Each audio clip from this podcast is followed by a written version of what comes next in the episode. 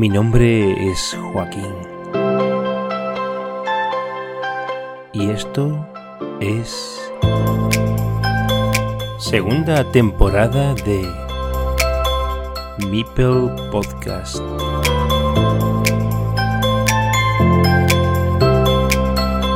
Welcome to Carcassonne.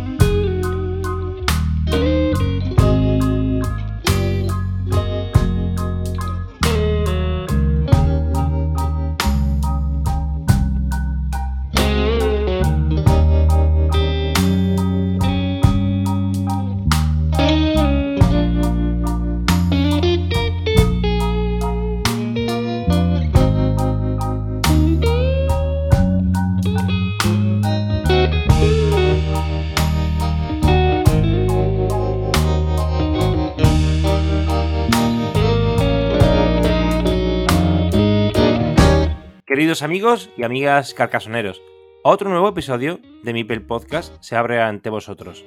Otro nuevo capítulo y ya van 69, un número tentador. Sobre todo para quien ve los juegos de palabras más que una cadena de letras, una cadena de palabrotos. No entones su nick repetidamente, porque es como agitar la lámpara maravillosa, pero en lugar de un genio te saldrá un diablillo sonriente, de sangre caliente y con un cuchillo entre los dientes. Cuchillo, sobre todo cuando los de Board Game Arena le retiran el nick. Y esto es de lo que vamos a hablar en primer lugar. Emilio Ortiz, si este espacio fuera tuyo, sería Meeple John. Meeple John, Meeple John, Meeple John. Bienvenido. Hola, buenas. Joaquín, ¿qué tal? ¿Cómo estás? ¿Qué te pasa con los nicks en la BGA?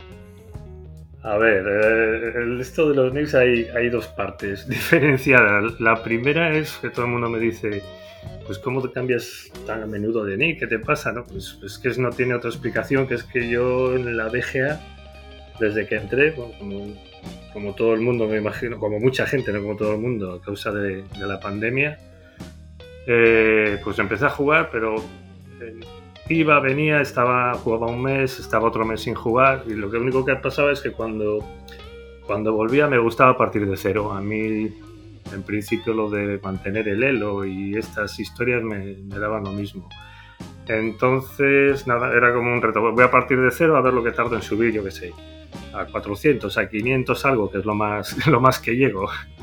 Y nada, me ponía un nombre nuevo para partir de cero y ya está, porque como además la BGA solo te permitía cambiar de nick una vez, solo hacía al principio cambiaba de nick, pero si quería cambiar de nombre no podía, pues nada, cerraba cuenta, abría de nuevo y vuelta a empezar. y eso lo he hecho pues, un montón de veces. Y he tenido, no, no, puedo decir ni cuántos nicks he tenido, pero vamos, más de 20 o 30 es fácil que, haya tenido a lo largo de, todo este tiempo. O sea que vas dejando nicks basura ya atrás y hay un montón ahí acumulado en la BGA que ya no... Muchísimo, sí, sí, sí, sí. ¿Es serio esto de cambiarse de nick cada 2x3? Ahora ya no, ya soy premium, ya lo voy a mantener. Claro, claro. Como no era premium, pues no, no me costaba nada. Ahora ya que ya participo en la liga en esta segunda edición, en la primera no me animé, pero bueno, esta ya, ya me animé a ver qué tal y como hay que hacerse premium, pues ya además he encontrado un nombre potente y pretendo mantenerlo. bueno, ¿qué, ¿qué significa Guatapollón? Pues mira, esto fue, a ver, es la primera parte de los cambios de nicks, es lo, que hemos hablado ahora. Después, eh, bueno, Guatapo es un lugar, es una un lago, una bahía en, Nueva Zelanda y John, pues es John, lo que quieras que sea John, un apóstol si quiere. y, y todo esto viene la primera vez que participé, la primera y la única, en el europeo, en el europeo de 2020, donde me invitó Íñigo Martínez a, participar en la selección. Pues me, puse, me puse un nick que me gustaba a mí, que era el de City Player. Eh, que en español no es ni más ni menos, pues el jugador de mierda, el jugador mierder, como lo quieras traducir, que es lo que era, además yo, o sea, que no un paquete que empezaba en esto de, de Carcassonne en la BGA y me parecía un nombre apropiado y sonoro y que sonaba bien. Y sí, es cierto que quizás en, en inglés el shit igual suena más fuerte que, en, castellano, pero vamos, no me parecía a mí que fuera nada que pudiera ofender a nadie y más cuando me lo estaba llamando a mí mismo, no estaba metiéndome con nadie, nada más que conmigo mismo.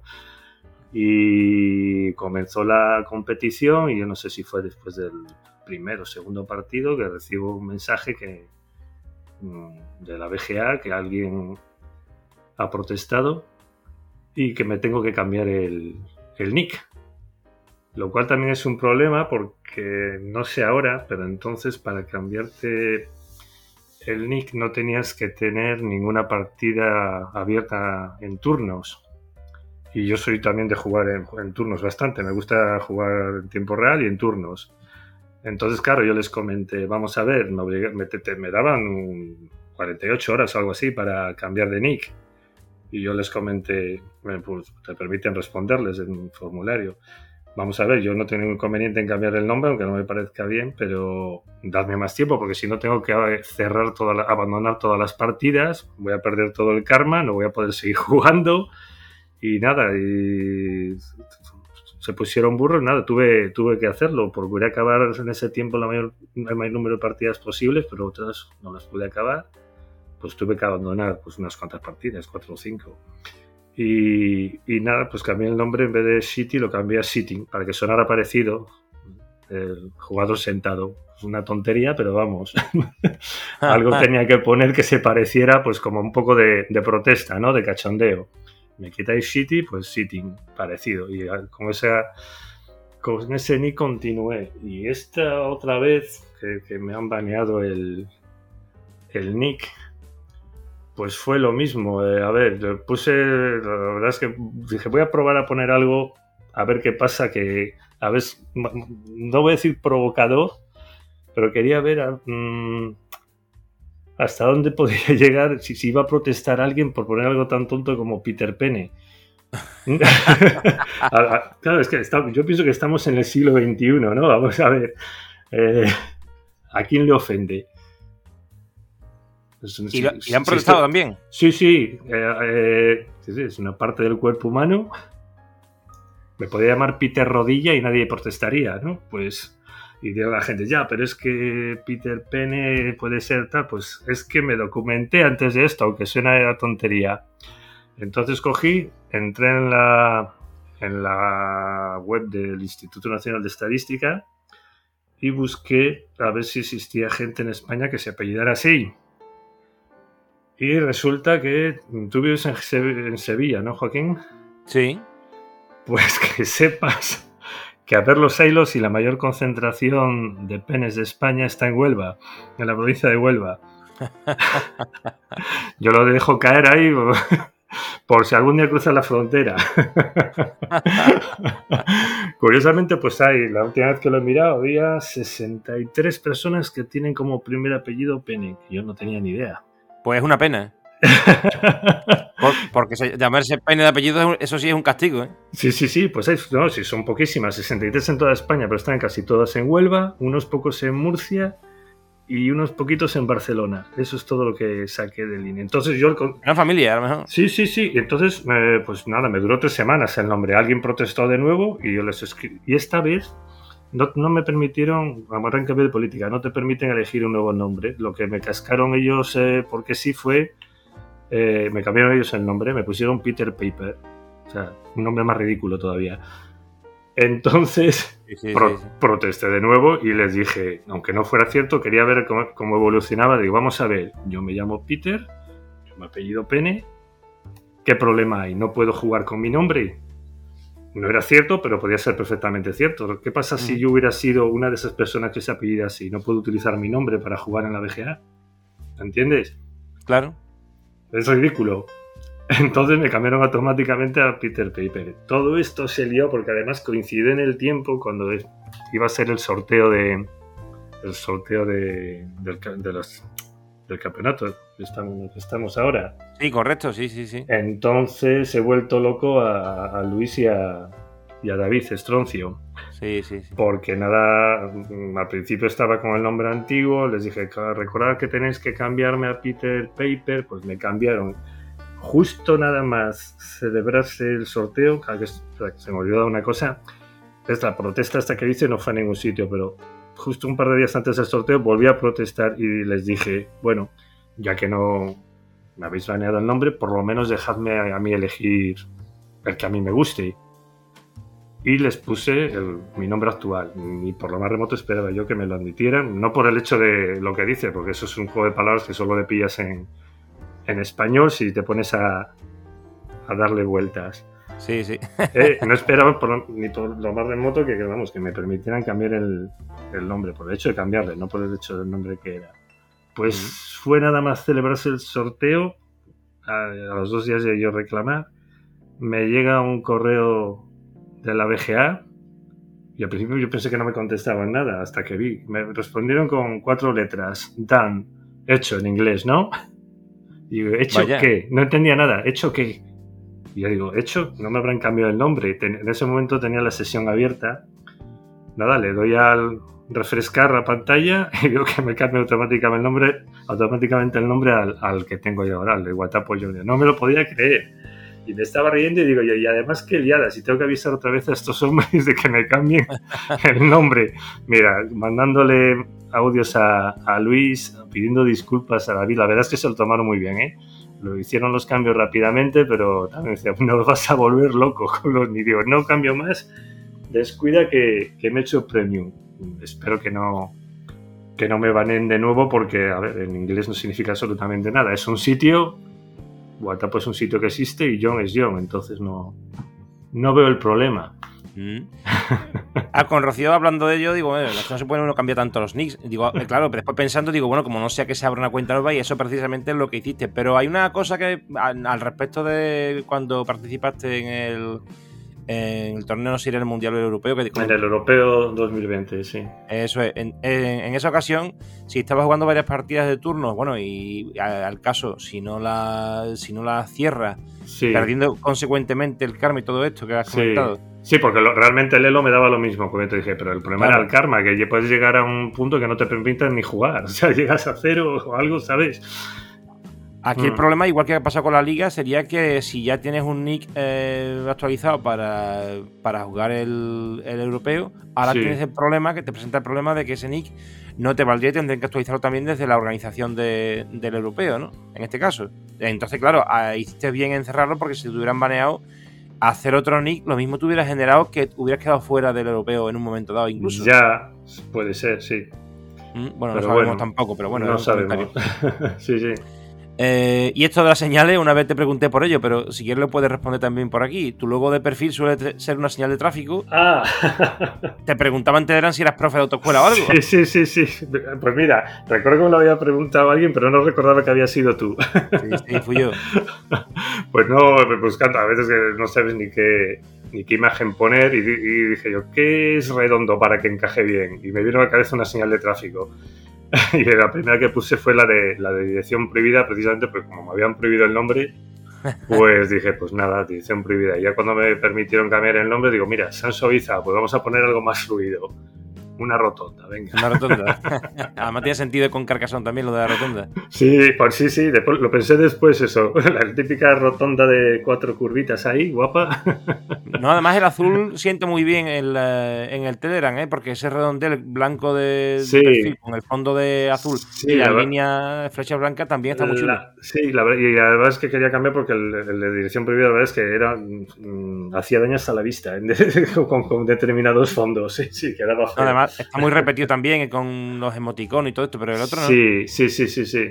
Mm. Sí, sí, de momento me he quedado con este. Bueno, ahora he cambiado a, al de Oscaridis para darle ánimos, porque bueno, cuando estamos grabando este, esta entrevista es en vísperas de que Oscar de que Oscar participe en el campeonato en Essen. Efectivamente, sí, nos encontramos a día 6 de, octubre ahora Exactamente, y mañana sale de viaje Oscar y nada, ya le mandaba ánimos antes, esta tarde precisamente, y bueno, cuando escuche esta entrevista, si la escucha, ya, ya habrá pasado, pero bueno, sería estupendo que estuviéramos hablando ya de un campeón del mundo. Sí, puede ser. Cuando salga esta entrevista, puede ser que sea ese el caso, sí. Además, paisano, que sería doble alegría. Muy bien. ¿Y ese pique con Rocío Muñoz de dónde procede? Cuéntanos. es que no he escuchado, que todavía no. Eh, este, tengo ganas de que sea el lunes que viene para escuchar. No sé lo que ha dicho Rocío todavía. Entonces, si me puedes adelantar algo. Eh, no, no te puedo adelantar, pero bueno. No, pues mira, Rocío, sí, no, pero te comento, sí, sí. Eh, a ver, yo cuando empecé cuando empecé a jugar al Catán y al Carcassonne, pues rápidamente, el mismo año que empecé a jugar, yo, unos amigos me animaron a, a participar en los torneos y aquí Rocío y, y su pareja, David Presmanes, pues iban también a los torneos, nos encontrábamos en todos los torneos. Y siempre había la picada de que decía, es mejor Catán, porque a mí me gustaba más al principio Catán. Y era decía, no tienes ni idea, que es mucho mejor juego Carcassonne y tal. Y siempre había ese pique de, de Catán, Carcassonne, de que es bueno, al principio además Rocío me solía ganar, porque tenía mucha, era una jugadora mucho más experimentada. Ahora ya está más igualada la cosa. Pero, pero había ese pique y poco a poco yo he ido evolucionando y es cierto que ahora me gusta más el Carcassonne. El Catán me sigue gustando, no soy de esa gente que reniega del Catán como anatema, ¿sabes? No. A mí me sigue gustando tanto el, el Catán como el Carcassonne. Sí es cierto que ahora les, que ya les aprendió a sacarle el juguillo a, a la estrategia del Carcassonne, que al principio no se aprecia. Se limita uno a decir, voy a ver si pongo mi presa en todo lo que me, en cada loseta que me sale, ¿sabes? Prácticamente, hay que aprovechar los puntos.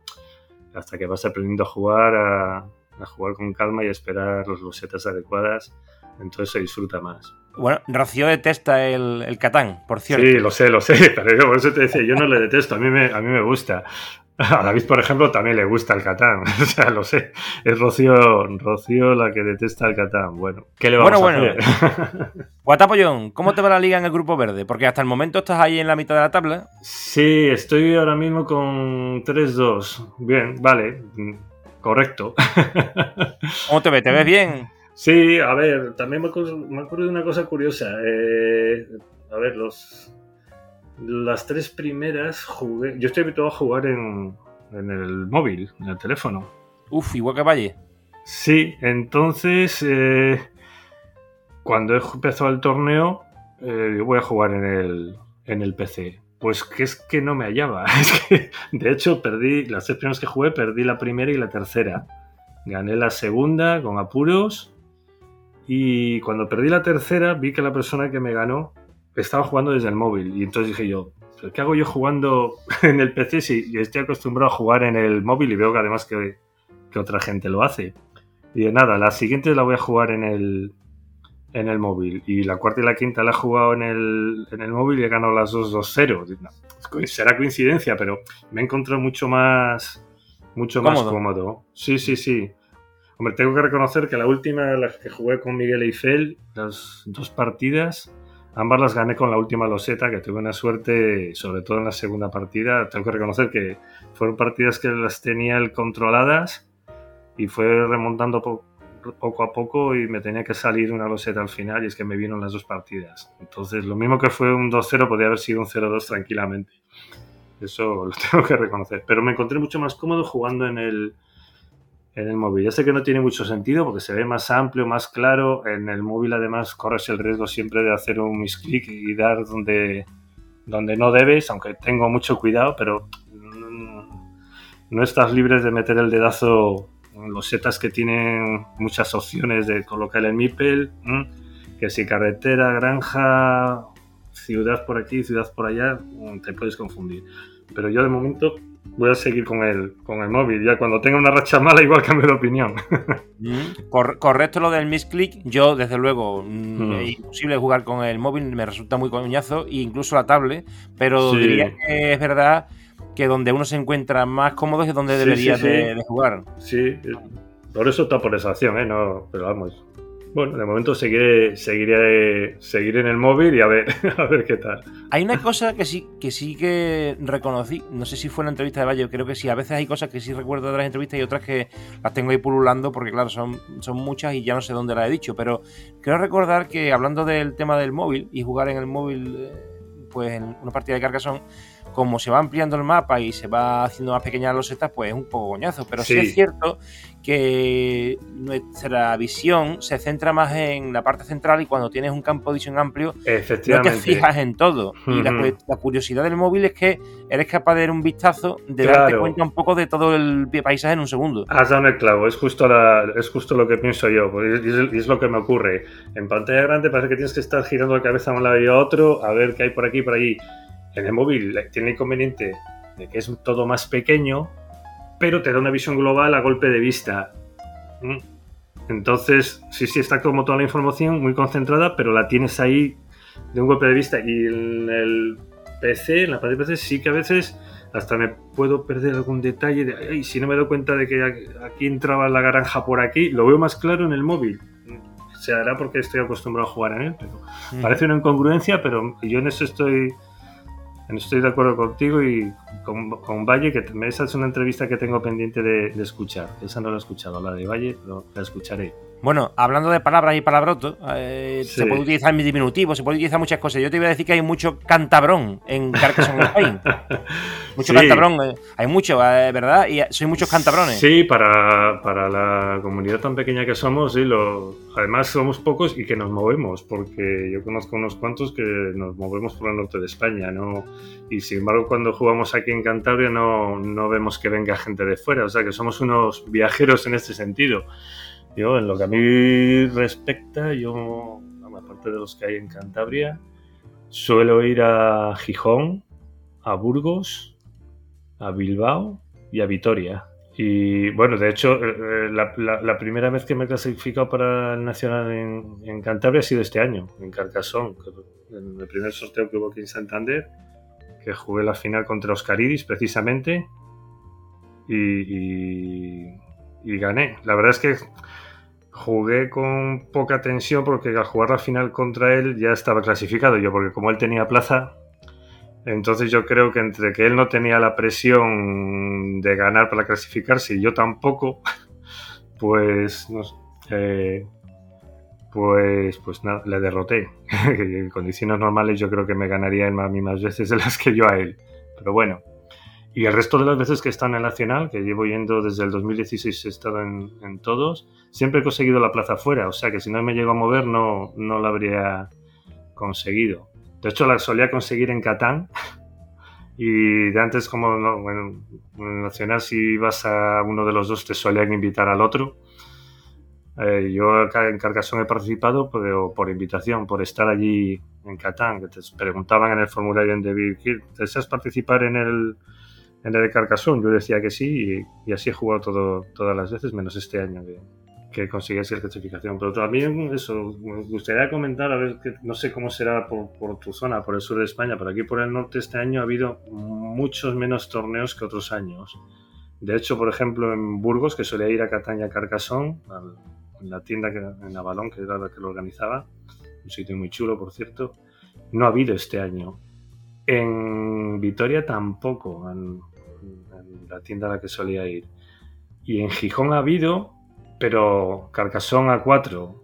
En Bilbao, a los dos que pretendía ir, el de la FNAC y otro que de otra asociación que no, recuerdo el nombre, también los hicieron a 4. O sea, al final es que no me he desplazado a ningún sitio este año y suerte que lo conseguí en Cantabria, pero no sé cómo va a ser el futuro de, los torneos después de la pandemia, porque es como si las tiendas se hubieran desanimado no, bueno, de hecho, una, en la Vega, la librería Alessandria también era muy, muy dada a organizar estos torneos, pues ha desaparecido hace dos o tres años, o sea, que nos hemos quedado huérfanos de algunos, de algunos torneos y lo veo muy complicado clasificarse para, para futuras ediciones.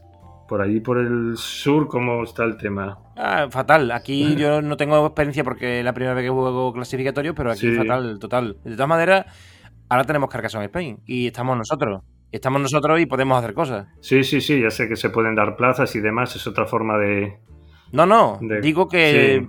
como dice Luis, o aprovechando el, est- esta frase que tiene él de bajo el paraguas de Carcassonne, Ah, bueno, ya, ya, pensé que te referías al hecho de que los primeros clasificados pueden tener alguna plaza y estas historias. no hablo de organizar a través de Carcassonne Spain, o sea que nosotros organizamos presenciales de forma descentralizada. Sí, sí, sí, sí, sí, sí. Pues sería interesante porque, vamos, la experiencia de este año es que ha habido pues la mitad de torneos o menos, por lo menos Sí. por, por esta zona. Ha sido complicadillo. Y, y retomando lo de Oscar, es que creo yo que pierde en todos sitios, menos cuando llega el Nacional que va barriendo para los lados y, y se aparece en la final. Yo es que creo que Oscar eh, gana mucho en torneo presencial, eh, Sí. en torneo en BGA. Yo creo que, no sé, es que no tiene, es que hay diferencia entre jugar en BGA y jugar cara a cara, con, con el rival del delante. Yo sí noto que cambia. A mí me gusta mucho más presencial también. Sí, pero eh, Mm. él fue campeón. eh, Sí, sí, fue campeón online la primera vez. Sí, sí, sí, sí. Claro. Sí, Sí, pero, por ejemplo, si. A ver, si. Si te guiaras por el, por el elo, por ejemplo, tiene un elo elevadísimo. Suelen dar, pues, eh, como yo, por ejemplo, entre 400, 500 le veo que se mueve, mientras que hay otras personas que llegan a 600 y a veces pasan. Y sin embargo, yo cuando le he visto jugar presencial aquí en Cantabria y, y en el Campeonato de España le veo muy concentrado, le veo que, que tiene dominio de- de- de la situación de las losetas. Le veo un rival duro presencial. Yo creo que gana en el cuerpo a cuerpo. Yo creo que llega la competición dura y es cuando se concentra. Sí, sí, da igual sí. que sea online, que sea. Porque mira, en Elite está ahí, ahí en medio perdido. Sí. Y después, hasta yo mismo le he ganado, como dice él. O sea que. Sí, sí, sí. Hombre, pero es que en, en Elite tampoco me extraña que esté ahora abajo porque la gente que está en Elite tiene, o sea, tiene mucho nivel, ¿eh? la gente que participa...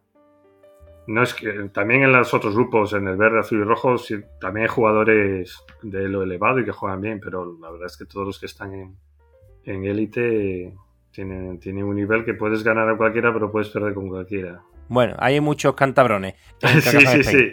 Y ahora te voy a proponer un juego. Yo creo que esto, yo creo que esto que, que te voy a decir ahora no, no lo he hecho nunca en mi podcast. Te voy a proponer un juego y que tienes que repetir 10 veces seguidas, sin parar, y lo más rápido que pueda, la palabra cantabrón. Pero muy rápido, sin pensarlo. Y empieza en 3, 2, 1, ya. Cantabrón, cantabrón, cantabrón, cantabrón, cantabrón, cantabrón, cantabrón, cantabrón, cantabrón, cantabrón, cantabrón. ¿Qué ca- Voy a acabar con qué cabrón. Tan cabrón. Es una broma. Menos mal que no lo he hecho delante de un espejo. A ver qué se me aparece. Bueno, vamos a pasar a temas serios. ¿eh? Veamos. Sí. ¿Cómo lleva a la familia eso de que durante vuestras vacaciones te escape a jugar torneos de Carcassonne? Pues, pues lo, lo lleva de cine, ¿Sí o porque vienen conmigo. Ah, bien, bien, vale, vale. Cuando voy, ya te digo, por las ciudades del norte de España, si vienen conmigo, eso sí, no se quedan a verme, van a lo suyo a hacer turismo. Ah, bueno, vale. Eh, alguna vez se pasan, pues ya al final a ver cómo va la cosa. Y las, ¿cuántas veces he estado? 16, 17, 18. Si las cinco veces que he estado en el Nacional, las cinco últimas, ya han venido conmigo y de turismo también. Pero, pero me acompañan. Precisamente, mira, una de las cosas que me queda un poco de pena este año no haber estado en el Fiestasón. Claro, sí, hubiera estado chulo, sí. Sí, pero lo que pasa que este año, que era el primero que solo participaba en Carcassonne, que en Catán no iba a participar, ya pues les había comprometido que pues, viajamos a Madrid el viernes y que el sábado pues iba a estar con ellas todo el rato, con ellas digo, mi mujer y mi hija, que son las que me acompañan, pues estar, pasar el día juntos y tal. Y después ya cuando se organizó la, el fiestazón, pues hombre, no era cuestión de, de dejarlas tiradas, porque ellos podían haber ido también, pero no les apetecía. Dice, bastante vas a tener con un día de carcasón a tope que, que, que esté, que esté está, además del domingo el sábado. Y bueno, pues ahí ganaron ellas la batalla. Digo, bueno, otro año habrá que haga, haya algún encuentro de estos y ya, ya pasaré por allí. Pero sí, sí me quedé un poco con las ganas de, viendo además el buen resultado que dio, el buen ambiente que hay, que lo vi el domingo entre la gente, pues hubiera estado bien estar ahí en el restaurante Eiffel con la gente por lo menos a la tarde del sábado. Pero bueno, otra vez será. Bueno, y Emilio, eh, hablando precisamente de Catán y rescatando un recuerdo que me comentabas off the record, pues con Dani Carolina García, en este caso, que ya lo hemos entrevistado, en 2017, a través de una reclamación que, tuviste, hubo una repercusión que indirectamente mm, también retocó la clasificación de Dani, ¿no? Sí, sí, sí. Bueno, antes de nada, yo tuve la suerte, entre comillas, la primera vez que participé en, en Carcasón pues me llamó la atención el grupo de la asociación de ellos, la Amatens, creo que se llama. sí. el Club Amatén. El Club Amatén. Van, iban, por lo menos antes iban todos de azul, con una camiseta azul celeste. Entonces, claro, se dejaban ver mucho. Entonces, un recuerdo eran las partidas a cuatro que, me tocó en la primera mesa con, con Dani y con otros dos. Y alguien me contó, oh, mira, este chico ha sido campeón de España. Digo, pues vaya suerte que tengo y tal. Vale, sí, sí, la hermana también ha sido campeón de España el año siguiente o el año anterior, no sé. Es esta chica de aquí. Ah, vale, pues me tocó con Dani en la primera partida y con Carolina en la segunda. Digo, pero bueno, la verdad es que participo y me van a tocar con los campeones de España. Y les conocía por eso. Y al año siguiente, en el 17, recuerdo que en Catán perdí la primera partida pero quedé segundo con, nueve, con 8 puntos. Y la segunda y la tercera las gané, además las gané mm, yo con 10 puntos y los otros tres con poquísimos puntos, 6, 4, 3. Entonces eh, tenía posibilidades de pasar con dos victorias y con, mm, ya sabes que vale ese empate por porcentaje de, de puntos contra los rivales. Entonces digo, bueno, los que tienen 28 puntos como yo, tengo que estar arriba porque los dos que he ganado, pues los he ganado con, con holgura.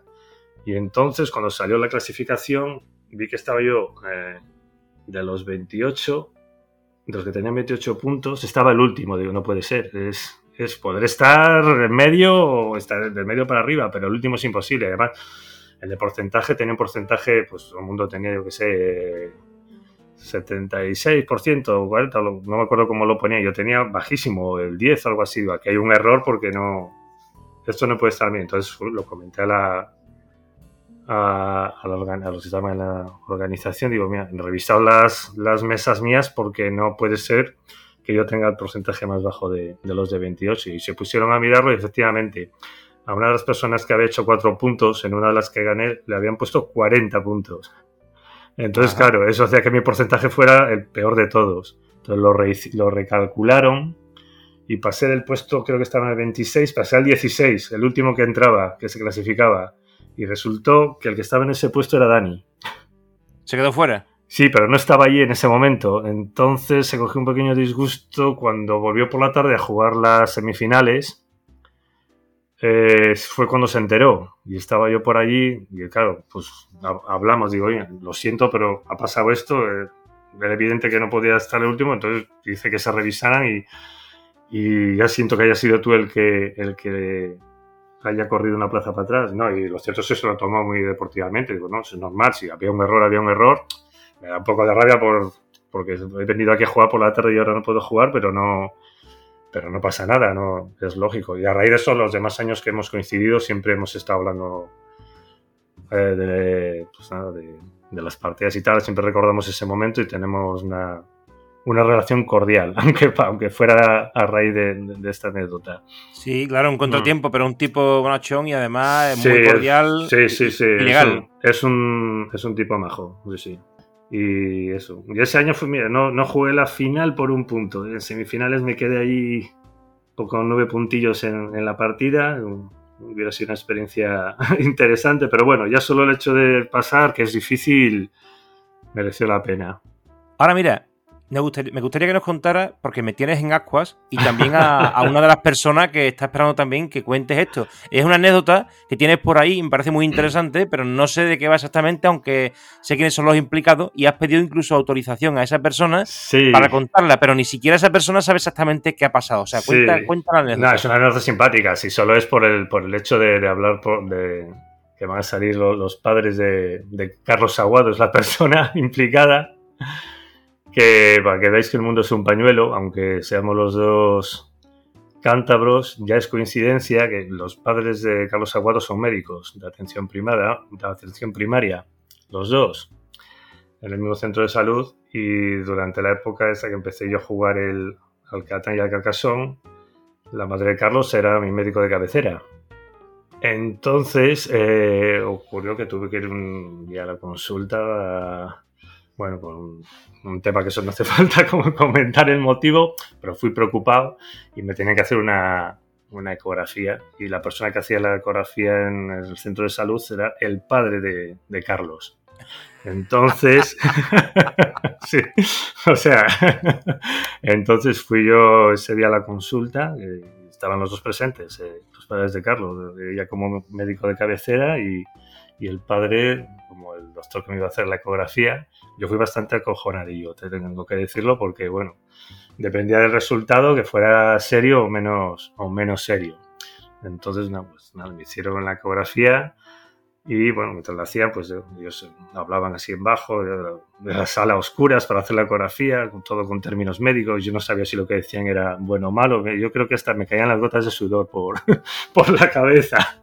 Y nada, acaba la exploración y le dice el padre Carlos, nada, estate tranquilo, que ya te harán una exploración más, más detallada, pero aquí lo que he visto, puedes estar tranquilo, que no, que no es serio. Entonces, yo tenía un, sentí un alivio increíble, ¿no? Te puedes imaginar. Porque, claro, mientras te hacen la exploración, no sabes lo que te van a decir, es, es, un, es, un tema peliagudo.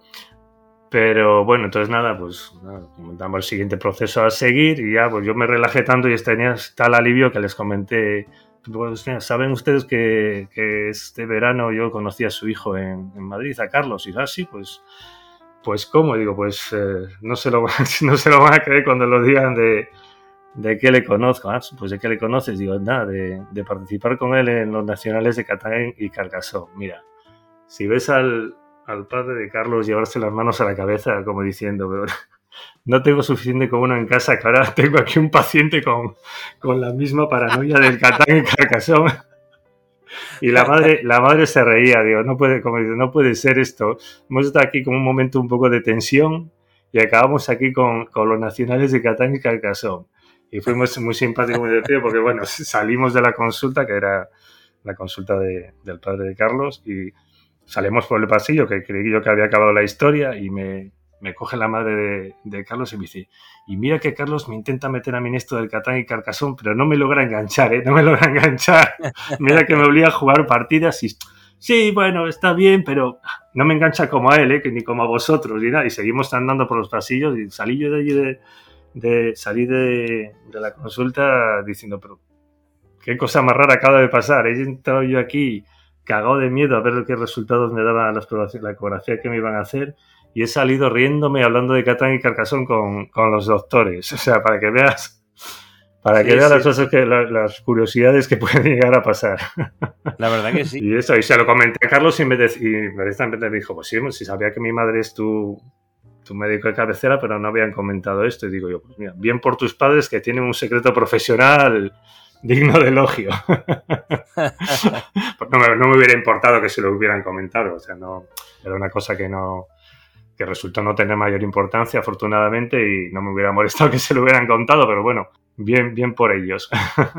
Bueno, Emilio, y por otro lado, eh, cuéntanos, eh, tu relación con los juegos de mesa en general, ¿de dónde procede? ¿O, si, o te gustan más los juegos de Eurogame o los antiguos? Pues mira, yo de joven jugué mucho a juegos de mesa. A ver, lo típico, era de Monopoly. Jugué muchísimo a Cluedo, que me encantaba, el Cluedo. Eso jugué muchísimo y era también muy asiduo del Imperio Cobra. Yo no sé si le conocerá, porque yo ya tengo mis años, claro, entonces yo no sé si la gente más joven llegó a conocer eh, el Imperio Cobra.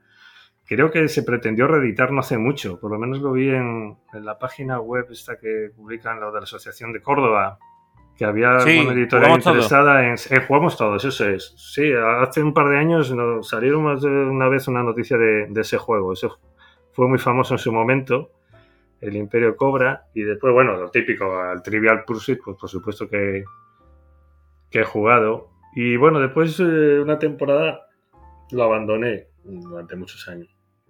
Y fue a raíz pues, de, que mi hija ya cumpliera cierta edad, pues, eh, pues esto empecé en las navidades del 2015, le regalé el Catán, pues eso tenía 11 años para introducirlo un poco en que no fuera todo videojuegos estas historias, ¿no?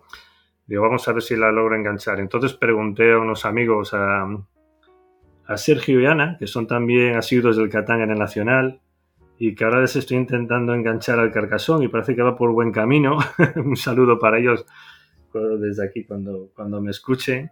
Les pregunté, a ver, entre, porque yo sabía que los más famosos así del momento eran Catán y Carcasón. ¿Cuál me recomendáis? Y ellos que son jugones del Catán y me dijeron, el Catán, sin duda, el Catán. Y digo, pues por alguna hay que empezar.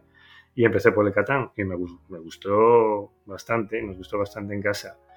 Y eso fue en la Navidad de 2015, pero enseguida dije, pero yo no me quedo con las ganas de, probar el Carcasón, que he oído hablar bien de él. Y en Semana Santa desde el año siguiente compré el Carcasón. Y fue, ese mismo año ya estuve participando en, torneos.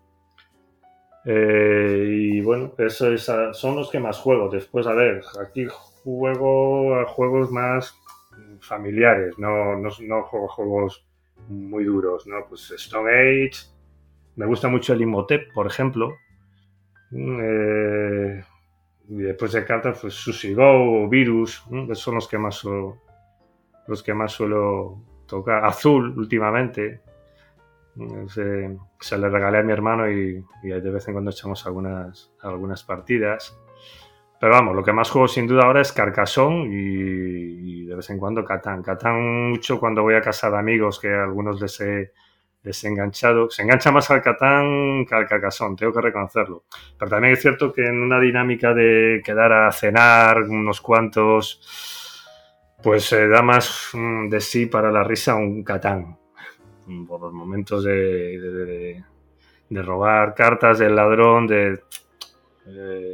se presta más a, jugar pues bebiendo y picote, picando un poco, ¿sabes? Claro, todo lo que sea más sesudo, normalmente a nivel familiar es menos atrayente. Es más la incógnita, la falta de información. Exactamente, pero bueno, son los dos juegos que a los que más juego, Catán y Carcassonne. Ahora más Carcassonne porque, porque aparte de jugar en mesa, juego, juego a través de la VGA. Y más estando ahora en liga que hay que entrenar un poquito. Pues yo, antes del Monopoly, empecé jugando porque tengo una prima que tenía el Palé. Ah, sí, sí, sí, sí. Yo lo, recuerdo con el nombre de Palé. somos viejos, ¿eh, Joaquín? y, lo que sí que he comprado y lo tengo aquí al lado mía, porque también lo han reeditado, es La Ruta del Tesoro. Ay, ese no. O sea, esas con moneditas. Ay, no me, suena ese. Con reales. Y además hay uno que tiene el agujero en, el centro, que lo recuerdo porque después sacaron la moneda de de, 25. 25 pero vamos, estas son antiguas y es como el es como el Monopolio o el Palais, lo que pasa es que son puertos antiguos, Córcega, eh, no sé, hay mucho y además son las, las tarjetas de que son de calles en el Palais o, en el Monopoly, aquí son tarjetones grandes como pergaminos y los billetes bueno, está la Atalazana también, o sea, es una curiosidad porque es muy bonito.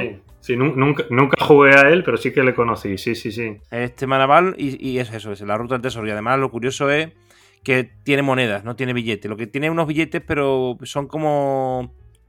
¿Cómo, cómo le llaman? Bueno, ahora no lo recuerdo. Es como si fuera un, eh, un, un, un, pergamino o un papel en el que viene expresado un valor, pero no es en sí mismo un billete, sino que es como una... Pues no sabría decirte, es como hoy en día fuera un cheque o algo así. Ahora no recuerdo cómo eres el nombre. Y la verdad que es muy divertido. Por el tema de las moneditas. Bueno, ya puesto en el tema, coméntanos qué es eso de que eres creador de juegos. Ah, bueno, sí, eso fue una, temporada que tuve. Ahora lo tengo un poco, un poco abandonado, pero bueno, igual en el futuro, cuando tenga igual un poco más de tiempo, lo, retomo. No, pues cogí esto de los juegos de mesa, lo cogí con fuerza cuando lo cogí. Entonces dije, bueno, ¿por qué? Investigué un poco, a ver, en el mundo de, las creaciones de, juegos de mesa, a ver cómo era el proceso. Me informé un poco, a ver, había un, conseguí un manual que me pasó precisamente a Bascal, otro paisano, que es el creador de, del juego París, este que ah, tiene tanto éxito ahora, de Beer. O sea, el de, ¿cómo se llamaba este otro? El de Checkpoint Cherry. Y contacté con él y, me pasó un manual de es manual que utilicé yo poco cuando entré en el mundillo de, los juegos de mesa. Y a raíz de ahí, pues creé, pues, eh, crear tres prototipos. Uno de ellos llegué a mandárselo a, a Debir y llegaron a probarlo, bueno, pues a ver, como novato que era, pues lógicamente, pues le vieron muchos, muchos fallos, pero bueno, tuvieron la- el detalle de probarlo y de decirme cuáles eran los puntos flacos que se podía mejorar. La verdad es que me sirvió mucho para aprender eso, cómo, cómo funciona el mundo de, de crear un juego de mesa, de contactar con editoriales y demás. Y después también en una feria que hubo aquí en el Palacio, de Exposiciones de Santander, tuve la oportunidad también de presentar el juego a Santi Santisteban, que es uno de los creadores de Virus. Eh, Sí. La pareja es de por aquí, de por Cantabria, entonces suele venir bastante y a este evento pues vino y, y también tuvo el detalle de sacar tiempo para quedar con conmigo y con mi, con mi hermano y conmigo, que bueno, lo hacemos un poco entre, entre los dos y pasamos la verdad una tarde muy, muy chula probando un par de prototipos y lo mismo, diciéndonos qué es lo que deberíamos mejorar y demás. También en otra ocasión, todo con gente de aquí, como ves, de gente cercana, eh, con eh, Pedro Soto eh, de Looping Games, que es un ilustrador, que ha ilustrado bastantes juegos de mesa, también tuve la oportunidad de, de probar los prototipos. Bueno, la verdad es que estuvo, estuvo muy interesante el tema y ah, bueno, ahora lo tengo un poco más abandonado, pero mira, por lo menos son juegos que tengo aquí físicamente, aunque sean prototipos jugables y que también jugamos, jugamos a ellos de vez en cuando. Y bueno, da gustillo, hombre, jugar algo que has creado tú y que más o menos funciona, no como para publicarlos, ni mucho menos. Pero bueno, es un, además es un, si te gusta, es un entretenimiento curioso. El mejorando, a ver cómo puedo mejorar esta mecánica, esto no funciona, esto sí. Lo más complicado de todo al final, aunque parezca mentira, que eso también lo había leído, una vez que tienes el juego en tu cabeza y funciona y tal, es hacer el reglamento. Porque claro, tú el juego que tú has creado lo entiendes perfectamente.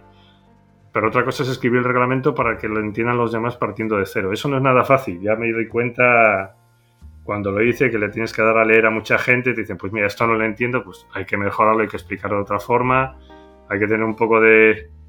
con- saber manejar algún, algún programilla gráfico para, para incorporar imágenes. Sí, sí, es, es un tema de los reglamentos que no que tiene su miga, no es fácil, ¿no? Pues ese sería mi punto fuerte, te lo puedo asegurar. Porque le doy mil vueltas a las cosas, soy muy perfeccionista. Sí. Y ahí sí, ahí sí daría yo el empujón. Me gustaría que me pasaras el manual, oye, por cierto. Si es un PDF, Sí, mándamelo ya. Lo tengo, lo tengo, sí, sí, lo tengo, sí, sí, Vale, PDF. Eh, bueno, te iba a preguntar por las expansiones también de Carcassonne. ¿Te gustan las expansiones o eres de, eres de juego básico? Pues mira, eh, soy de juego básico, porque en casa tengo el, el juego básico, pero sí es cierto que las de las expansiones que hay en BGA, las dos primeras que implementaron, las de posadas y, y catedrales y la de constructores y comerciantes, a mí sí me gustan. Le da un punto diferente a- al juego y yo creo que está bien, sobre todo la de constructores y comerciantes, el hecho de que cerrar tú la ciudad de otro te pueda beneficiar porque te llevas las materias primas que te dan puntos al final, le da otra un giro al, al juego que me parece me parece interesante. Lo mismo que posadas y catedrales, el hecho de es un apostar doble o nada, ¿no? Coger una, un camino con, con posada o una ciudad meterla a la catedral, como no la cierres, te comes, te comes la ciudad con cero puntos. Bueno, esos son variantes que sí, a mí sí me gustan. Otras no he probado. Mm, Creo que hay la princesa y el dragón y demás, no. Ya me da pereza entrar en, en, en- en otras variantes. Yo creo que con estas dos tengo más que suficiente. Y en, mesa no, solo no soy no soy coleccionista, vamos, de expansiones ni soy suelo ser de juego el básico, si funciona bien, con eso tiro perfectamente. No no tengo el ansia de comprar todas las expansiones que salgan. Ah, Bueno, aparte tengo algunas de otras expansiones que regalan en los nacionales, que han regalado algunas, con torres y tal. Bueno, a ver, siempre es interesante, pero ya puedes, bueno, puedes meterte en un mundo de expansiones que como las pongas todas a la vez, te tienes que comprar una mesa bien grande para empezar. Ya, ya te digo que yo tampoco era coleccionista, era. Pero claro, me he juntado con Héctor, Ya, con, David, ah. con David Douglas y con Sí. ah, Javi, con Willem, oh, y ya éramos liados. Sí, sí, sí, ya lo veo en, en los chats de Telegram que hay gente como los que has dicho que son muy, muy forofas.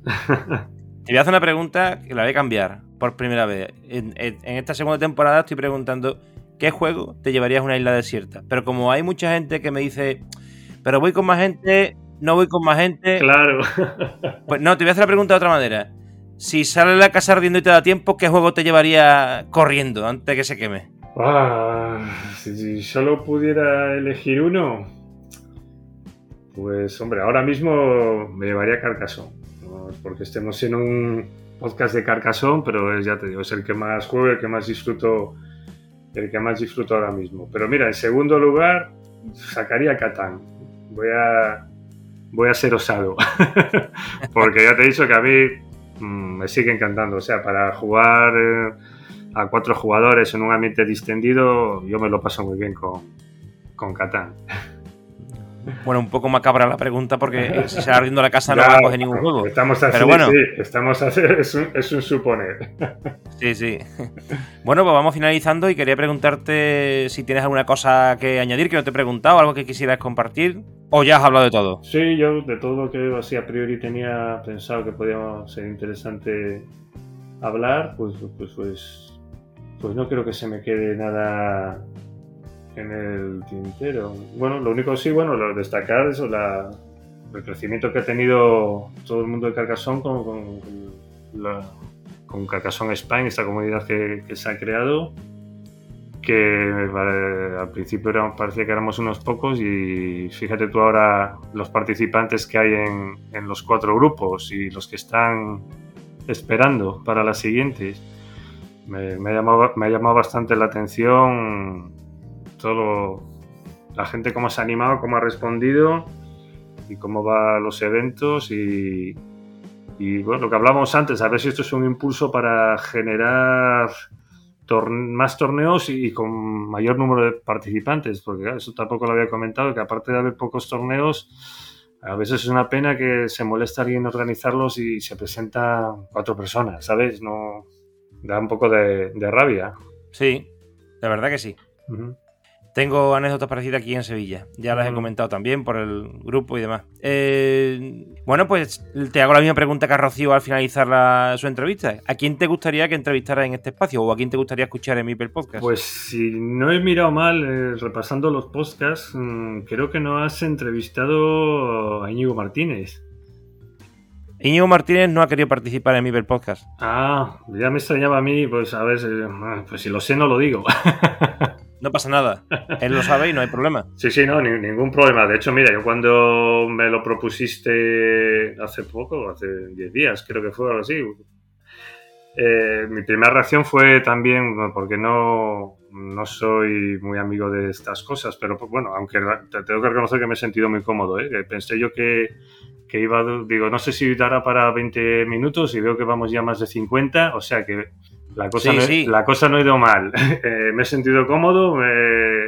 Claro que sí, hombre. Y no me ha costado nada, vamos, hablar hablar contigo, todo lo contrario, lo he disfrutado bastante, pero sí al principio era un poco reacio, pero después dije, lo mismo que yo estoy escuchando pues lo que cuentan los demás, que se abren un poco a, a la comunidad, cuentan sus experiencias, un poco de su vida y demás, me parece, no sé, me parece de rigor, pues si me lo has propuesto, pues yo también participar y que la gente pues me conozca un poco o por lo menos haya pasado un rato entretenido escuchándonos. Cierto, además ha sido una entrevista divertida, Emilio.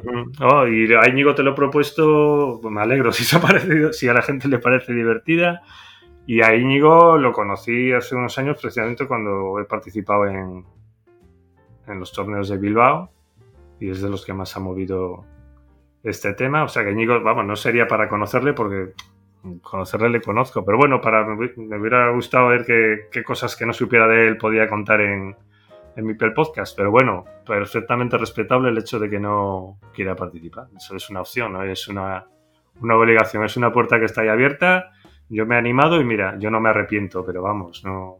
Bueno, desde que iniciamos el camino está invitado, pero bueno, no. Sí, nada. No sé si cambia de opinión ya es cosa de él. Un saludo para él si nos está escuchando y a ver si este próximo año nos vemos por ahí en los, en los torneos, porque es sí, él que alguna vez ha intentado venir para Cantabria para jugar, lo que pasa es que este año no le ha cuadrado, pero es otra persona que también se mueve, que también se mueve por la zona. Pues a ver, y otra alternativa no se me ocurría, porque había pensado en él, no, porque los que se me ocurren ya están, ya están entrevistados.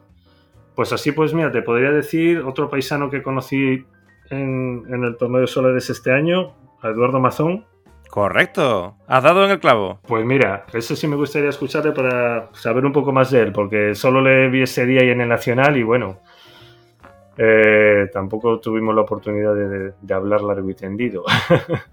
Además, Eduardo reconoce que tampoco, eh, bueno, pues tampoco tiene mucho conocimiento de, de ti y hablamos de, Claro, del sí. tema. Incluso os propuse hacer una entrevista conjunta, pero después lo pensé, hablamos y tal, y digo, bueno, si en realidad no se conocen mucho, tampoco, no sé, hemos hecho la entrevista individualizada. Claro, igual no, o sea, igual estamos un poco cortados o algo. A ver, es que no dio lo que dio de sí el torneo, jugamos, pero no dio para, no hicimos, digamos, el post-torneo, no, si nos hubiéramos quedado a tomar algo, quizás, y- y- pero fue jugar y marchar cada uno por su lado. Además, él creo que reside en Madrid, si no me equivoco, y estuvo en el torneo, pues porque le cuadró las fechas que estaba en esas fechas en Cantabria. Y mira, uno afortunadamente pudo venir porque ya te digo que es que con la poca gente que viene a los torneos se agradece, aunque sea una persona más.